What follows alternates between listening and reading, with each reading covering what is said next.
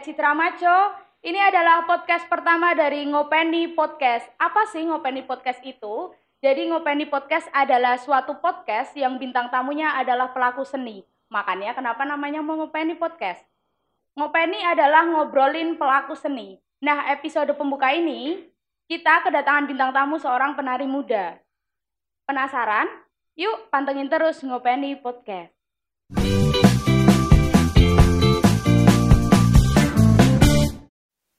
Halo Mbak Ines. Halo Mbak Citra. Eh, gimana nih eh, kabarnya Mbak Ines pandemi kayak gini nih? Kabar pandemi ya, baik, tetap harus baik. Oke. Eh, mungkin diperkenalin dulu eh, dari Mbak Inesnya. Halo, perkenalkan nama aku Ines. Nama panjangnya Ardana Wikanestri, tapi biasanya namanya Ardana Ines. Panggilnya Ines. Oke. Eh, sekarang kesibukannya ngapain nih? Kuliah Mbak, masih tetap jadi mahasiswa. Oh, mahasiswa. Semester berapa nih? Tiga. Semester 3, berarti satu setengah tahun lah ya. Iya. Eh, mungkin bisa diceritakan sedikit kali kenapa awal mula eh, memutuskan dan menekunin menjadi seorang penari. Awal mula karena dari kecil udah minat sama tari. Sejak umur 2 tahun sih udah disetelin kayak video tari, kayak Oh. kaset-kaset gitu. Terus disetelin musik gamelan. Nah, badanku tuh udah merespon, jadi kayak gerakan kecil-kecil gitu. Terus makin besar itu diarahin masuk sanggar. Oh, sanggarnya mana? Mm-mm. Dulu sanggar Kembang Sore yang kreasi. Oh. Jadi biar terarah gitu loh sama bapak ibu. Jadi nggak asal nari, jadi langsung dimasukin sanggar. Dan akhirnya suka aku, enjoy, kayak merasa seneng nari, nggak ada beban. kan kuliah nih. Cara bagi waktunya sama kuliah gimana? Eh, kalau kuliah memang udah ada jamnya ya. Kalau selama luring itu dari pagi sampai sore, kalau mentok sampai sore. Tapi kan setelah itu kan aku juga ada kegiatan kayak latihan, terus proses-proses lain. Nah, itu pembagian waktunya ya tetap kuliah dulu yang diutamain, terus baru ya kegiatan lainnya sambil jalan. Eh, yang biasa dipentasin apa sih? Kalau aku biasa pentas tari klasik sih, klasik gaya Jogja. Terus yang sekarang ditekunin, yang dibela yang belajar. Hmm, kalau yang ditekunin masih tradisi basicnya. Masih kayak tari klasik Jawa, Jogja gitu, Surakarta. Tapi kalau dipelajari ya memang di kampus kan kita belajarnya nggak cuma klasik gitu. Tetap ada kayak dasar-dasar koreografi, mengarahnya ke kontemporer. Nah, kuliahnya di mana sih? Oh ya, kuliahnya di ini jurusan tari Fakultas Seni Pertunjukan ISI. Oke, Isi Jogja. Isi Jogja ya. Eh, udah pentas di mana aja nih? Kalau pentas di daerah Jogja alhamdulillah dari maksudnya berbagai kabupaten gitu udah terus keluar kota juga alhamdulillah Jakarta terus eh, Jawa Tengah itu lingkupnya Solo terus ya sekitar Jawa Tengah Jawa Timur juga Ponorogo Eh, mungkin eh, susah senengnya jadi seorang penari apa sih? susah seneng kalau susah ini sih kadang masih dipandang kayak sebelah mata gitu kayak nari kenapa sih harus di apa maksudnya kayak harus ditelusin kuliah gitu kan nari kan bisa cuma sebagai sampingan kali nah. ya, bisa dibilang kayak gitu. gitu terus kalau eh, susahnya capek pasti karena kan fisik ya yang dipakai. Maksudnya kayak latihan latihan sampai pagi. Itu sering sih mengalami kayak gitu. Apalagi udah masuk kuliah tuh jam latihannya tuh jam yang nggak wajar gitu. Kayak misal jam 12 baru mulai terus nanti selesainya belum ada subuh kayak gitu. Tapi itu menurutku nggak jadi susah sih itu tetap senang Karena udah dari kecil kali ya. iya karena menikmati prosesnya juga sih mbak. Dampak dari pandemi buat kamu nih. Eh, buat aku ini sih kayak dari dari segi kuliah dulu. Kuliah yang biasanya luring Mm. kita menerima materi dosen langsung kayak lihat terus nanti kalau misalnya ada salah kita dikoreksi langsung megang itu. Karena pandemi harus daring ya sulit. Kita harus cuma belajar lewat video tutorial terus dipelajari. Kalau misalnya kita nggak dong ya kita nyari sendiri gitu nggak bisa nanya dosen bu misal teknik kaki yang mendak gini nih gimana? Gitu kan kalau luring kan gampang ya mbak. Kalau Iya. daring stresnya gitu. Sama ini sih melakukan tugas-tugasnya ini apa apa lewat video ya kendalanya Oh, jadi semua dari video ya. Terus eh, eh, peran lingkungan nih ataupun keluarga atau terhadap Mbak Ines, apakah du- mendukung atau mungkin tapi kalau dari cerita depan sih mendukung mendukung, ya. mendukung alhamdulillahnya mendukung. Bapak ibu mendukung aku ambil tari ambil seni itu mendukung. Jadi kayak nggak ada larangan kayak apaan sih jadi penari itu? Ke depannya tuh mau jadi apa? gitu. Alhamdulillah mendukung malah didukung terus kalau bisa sampai S2 sampai S3 kalau bisa jadi dosen terus tapi eh, misalnya emang jadi dosen tapi tetap sampingnya berkarya Eh, apakah emang dari basic keluarganya? Iya. Oke, bapak atau ibu? Eh, kalau bapak basicnya musik sih kalau Oh, ibu musik. emang guru tari sekarang Oh, guru tari. Oke. Eh, achievement yang sudah terwujud nih. Aku emang cita-citanya memang pengen banget sekolah dan kuliah di tari dan itu Oh. alhamdulillah sudah terwujud dan sekarang lagi menjalani terus kayak pengen banget dapet apa ya kesempatan misal ngisi nari di keraton itu kan kayak kepengenannya setiap nari mungkin aku bisa bilang gitu karena kayak pengen banget gitu nah itu udah alhamdulillah terwujud Oh, udah terwujud ya? Eh, terus yang belum terwujud nih ke depannya? Oh, yang belum terwujud.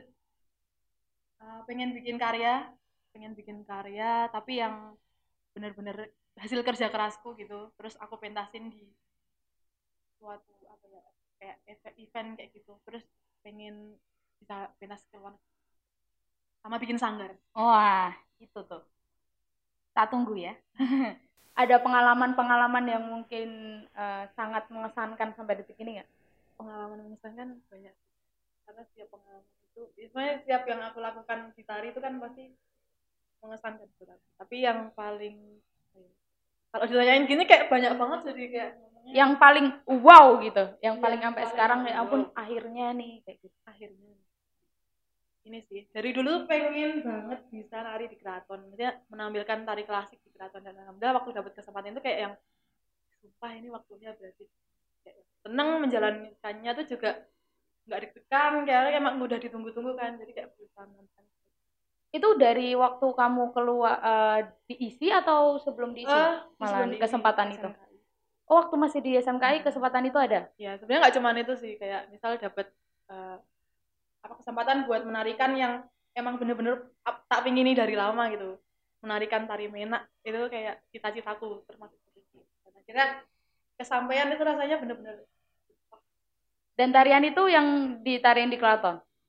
Eh, itu juga iya Eh, Ines, eh, mungkin bisa dijelasin waktu eh, tadi nyeritain soal tari, menak ya, Oh, iya. itu tarian apa sih?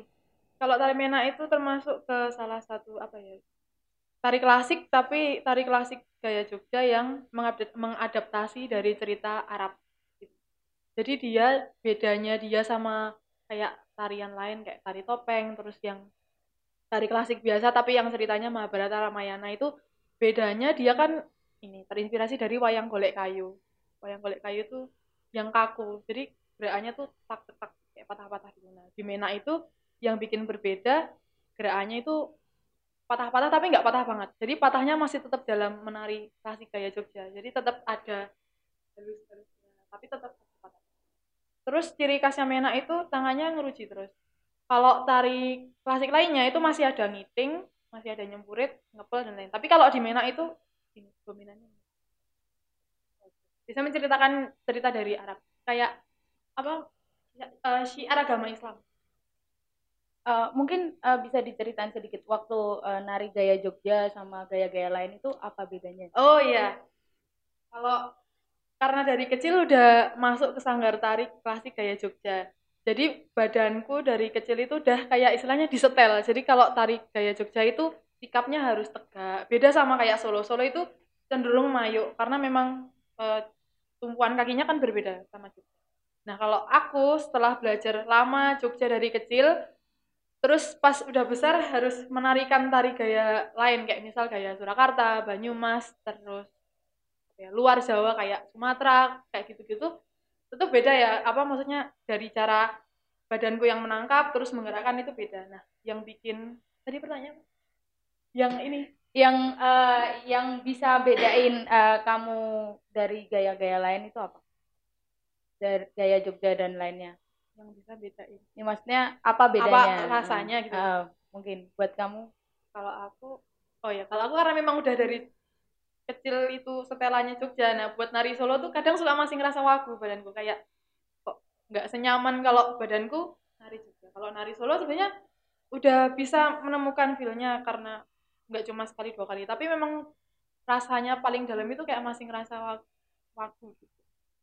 Tapi wagunya bukan yang wagu terus bentuknya jadi jelek, tapi tetap maksudnya rasanya di sini gitu loh. Oh ya. Nes, kenapa nih uh, kayak ngerasa uh, keraton itu jadi kayak tolak ukur kamu buat ini nih kayak gitu? Kenapa? Uh, karena tari klasik itu kan lahirnya dari dalam istana, nah dari dalam keraton.